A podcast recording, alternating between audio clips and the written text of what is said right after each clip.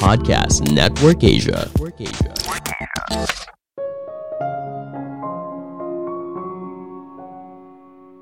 Jika kamu ingin pergi dari situasi yang tidak menyenangkan, yang kamu butuhkan bukanlah situasi yang berbeda, tapi menjadi orang yang berbeda.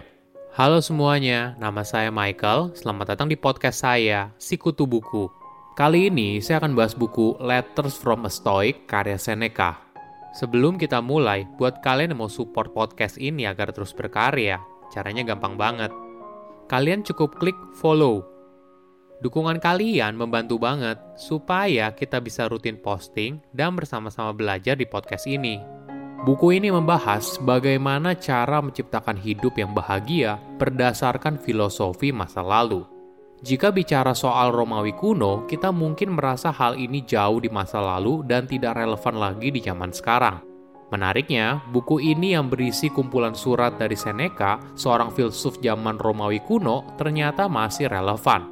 Manusia tetaplah manusia, tidak peduli di zaman apa mereka hidup, mereka masih bertanya hal yang sama, tantangan hidup yang sama, harapan, dan juga soal mimpi. Seneca merupakan seorang filsuf terkenal di zaman hidupnya. Dia bahkan sering kali dikenal sebagai salah satu dari tiga filsuf stoik penting dalam sejarah.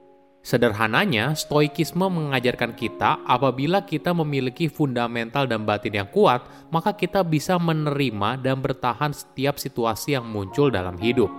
Saya merangkumnya menjadi tiga hal penting dari buku ini. Pertama, hidup dengan rasa cukup. Apa yang kamu lakukan ketika kamu merasa tidak puas? Mungkin kamu mencoba untuk mengubah lingkungan kamu. Mungkin kamu pergi liburan, membeli barang, atau bahkan pergi makan enak. Mungkin saja kita merasa lebih baik, tapi perasaan ini tidak akan bertahan selamanya. Kenapa? Karena yang kita berusaha penuhi adalah kebutuhan materi, bukan kebutuhan batin. Pada sebuah surat, penulis menjelaskan perilaku orang Romawi kuno yang merasa kalau kamar mandi mereka yang sederhana itu kurang bagus. Perilaku ini boleh dibilang mirip dengan perilaku orang masa kini Misalnya orang zaman sekarang ingin kamar mandinya mengikuti tren terbaru, dengan cermin bulat, dinding yang keren, dan jendela yang besar. Menarik ya, apa yang dulunya merupakan sebuah kemewahan malah menjadi kebutuhan yang harus ada ketika tetangga atau teman kita sudah punya barang tersebut. Bagaimana kalau mencoba pendekatan yang berbeda? Misalnya belajar untuk hidup yang cukup. Cukup adalah kata yang penting dalam hidup. Kita sebenarnya tidak butuh banyak hal untuk hidup kita hanya butuh makan, minum, tempat tinggal, dan pakaian. Namun bukan artinya kita harus hidup sengsara, makan dalam jumlah sedikit, tidur hanya di gubuk, dan pakaian seadanya. Bukan, stoikisme fokus pada kesederhanaan. Penulis mengatakan kita perlu makan yang bergizi tapi hanya untuk menjaga tubuh dalam kondisi sehat, bukan untuk mengenyangkan diri atau hanya karena kita mampu. Jika sesuatu sudah bekerja sesuai fungsinya, maka hal itu sudah cukup. Misalnya kamu tentu saja butuh tempat tinggal yang nyaman, tapi jangan terlalu sibuk pada berbagai pernak-pernik yang harus ada untuk mempercantik rumah. Ingat, pada dasarnya fungsi rumah ya sebagai tempat berteduh. Latihan ini akan mengajarkan kita untuk hidup sederhana.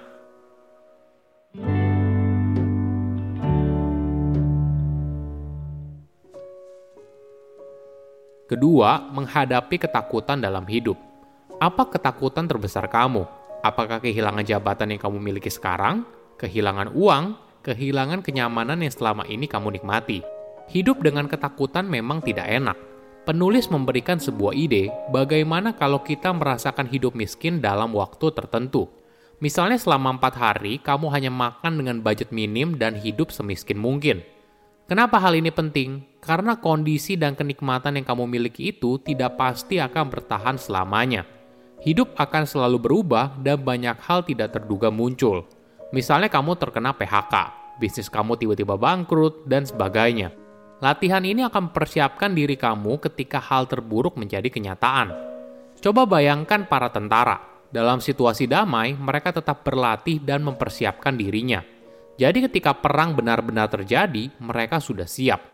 Penulis bercerita tentang seorang temannya yang sedang menderita karena rumahnya habis terbakar ini tentu saja kejadian yang tidak terduga dan dampaknya sangat besar. Untuk mengurangi rasa sakit yang dialami oleh temannya, penulis memberikan dua wejangan. Pertama, sesuatu akan cenderung dibangun kembali lebih kuat. Manusia biasanya belajar dari kesalahan, jadi dari satu kesalahan maka kita akan belajar untuk menjadi lebih baik. Mungkin kamu dengar istilah "what doesn't kill you makes you stronger". Apa yang tidak membunuh kamu maka akan membuatmu semakin kuat. Contohnya gini, di Jepang banyak sekali terjadi gempa bumi. Inilah yang mendorong mereka harus menciptakan prinsip pembangunan gedung yang ketat. Alhasil, bangunan di Jepang boleh dibilang menjadi salah satu yang terkuat dalam hal menghadapi gempa bumi. Kedua, mempersiapkan dirimu secara mental untuk tragedi selanjutnya. Sepanjang perjalanan hidup, kita tidak mengalami hal yang mulus. Pasti kita mengalami naik dan turun. Kejadian ini sering kali datang tidak terduga dan dampaknya sangat besar pada mental seseorang. Bagaimana bila kita berlatih untuk berpikir apa saja yang mungkin hilang atau memburuk di masa depan? Tidak peduli sekecil apa pun probabilitasnya.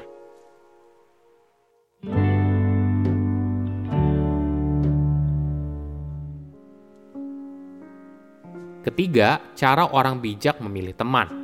Ada orang yang suka curhat mengenai hidupnya kepada orang lain, tapi ada juga yang lebih memilih untuk menyimpan semuanya di dalam hati. Dua cara ini sebenarnya berada dalam kutub yang ekstrim. Penulis menjelaskan orang yang bijaksana cukup dengan dirinya sendiri. Artinya, dia harus bisa sendiri tanpa perlu teman. Namun bukan berarti dia tidak ingin punya teman. Intinya, kamu harus memilih teman dengan bijak tapi ketika mereka sudah bergabung, kamu harus benar-benar memperlakukan mereka seperti teman baik. Jika di zaman dulu mungkin kita sering dengar kalau kita tidak boleh milih-milih dalam berteman. Namun di era sekarang, saya rasa kita harus selektif. Pada akhirnya, kita adalah cerminan dari lingkungan sekitar. Jika kita memilih lingkungan yang buruk, akan sangat sulit untuk bisa keluar dan membantu kita mencapai hal yang kita inginkan. Pilihlah teman bukan berasal dari status sosial, kekayaan, dan sebagainya namun pilihlah teman dari karakternya dan orang yang bisa kamu percaya. Ini adalah dasar dari persahabatan. Lebih baik lagi kamu mencari teman yang punya tujuan yang sama dengan kamu. Kalian berdua bisa belajar dari satu sama lain untuk saling memperbaiki diri. Nah, ketika kamu sudah memilih siapa temanmu dengan bijak, maka kamu harus bersedia untuk terbuka. Dengan cara inilah, kamu baru bisa menjalin hubungan saling percaya antara kamu dan teman tersebut. Oke, apa kesimpulannya? Pertama, belajar menjalani hidup dalam segala kondisi. Cukup adalah kata yang penting dalam hidup. Kita sebenarnya tidak butuh banyak hal dalam hidup. Kita hanya butuh makan, minum, tempat tinggal, dan pakaian. Namun bukan artinya kita harus hidup sengsara, makan dalam jumlah sedikit, tidur hanya di gubuk, dan pakaian seadanya. Bukan. Stoikisme fokus pada kesederhanaan Kedua, menghadapi ketakutan terbesar dalam hidup. Hidup dalam ketakutan memang nggak enak. Penulis memberikan sebuah ide bagaimana kalau kita merasakan hidup miskin dalam waktu tertentu. Misalnya selama empat hari kamu hanya makan dengan budget minim dan hidup semiskin mungkin. Kenapa hal ini penting? Karena kondisi dan kenikmatan yang kamu miliki itu tidak pasti akan bertahan selamanya. Ketiga, memilih teman dengan bijaksana. Orang yang bijaksana cukup dengan dirinya sendiri. Artinya, dia bisa sendiri tanpa perlu teman. Namun bukan berarti dia tidak ingin punya teman. Intinya, kamu harus memilih teman dengan bijak. Tapi ketika mereka sudah bergabung, kamu harus benar-benar memperlakukan mereka seperti teman baik. Saya undur diri, jangan lupa follow podcast Sikutu Buku. Bye-bye.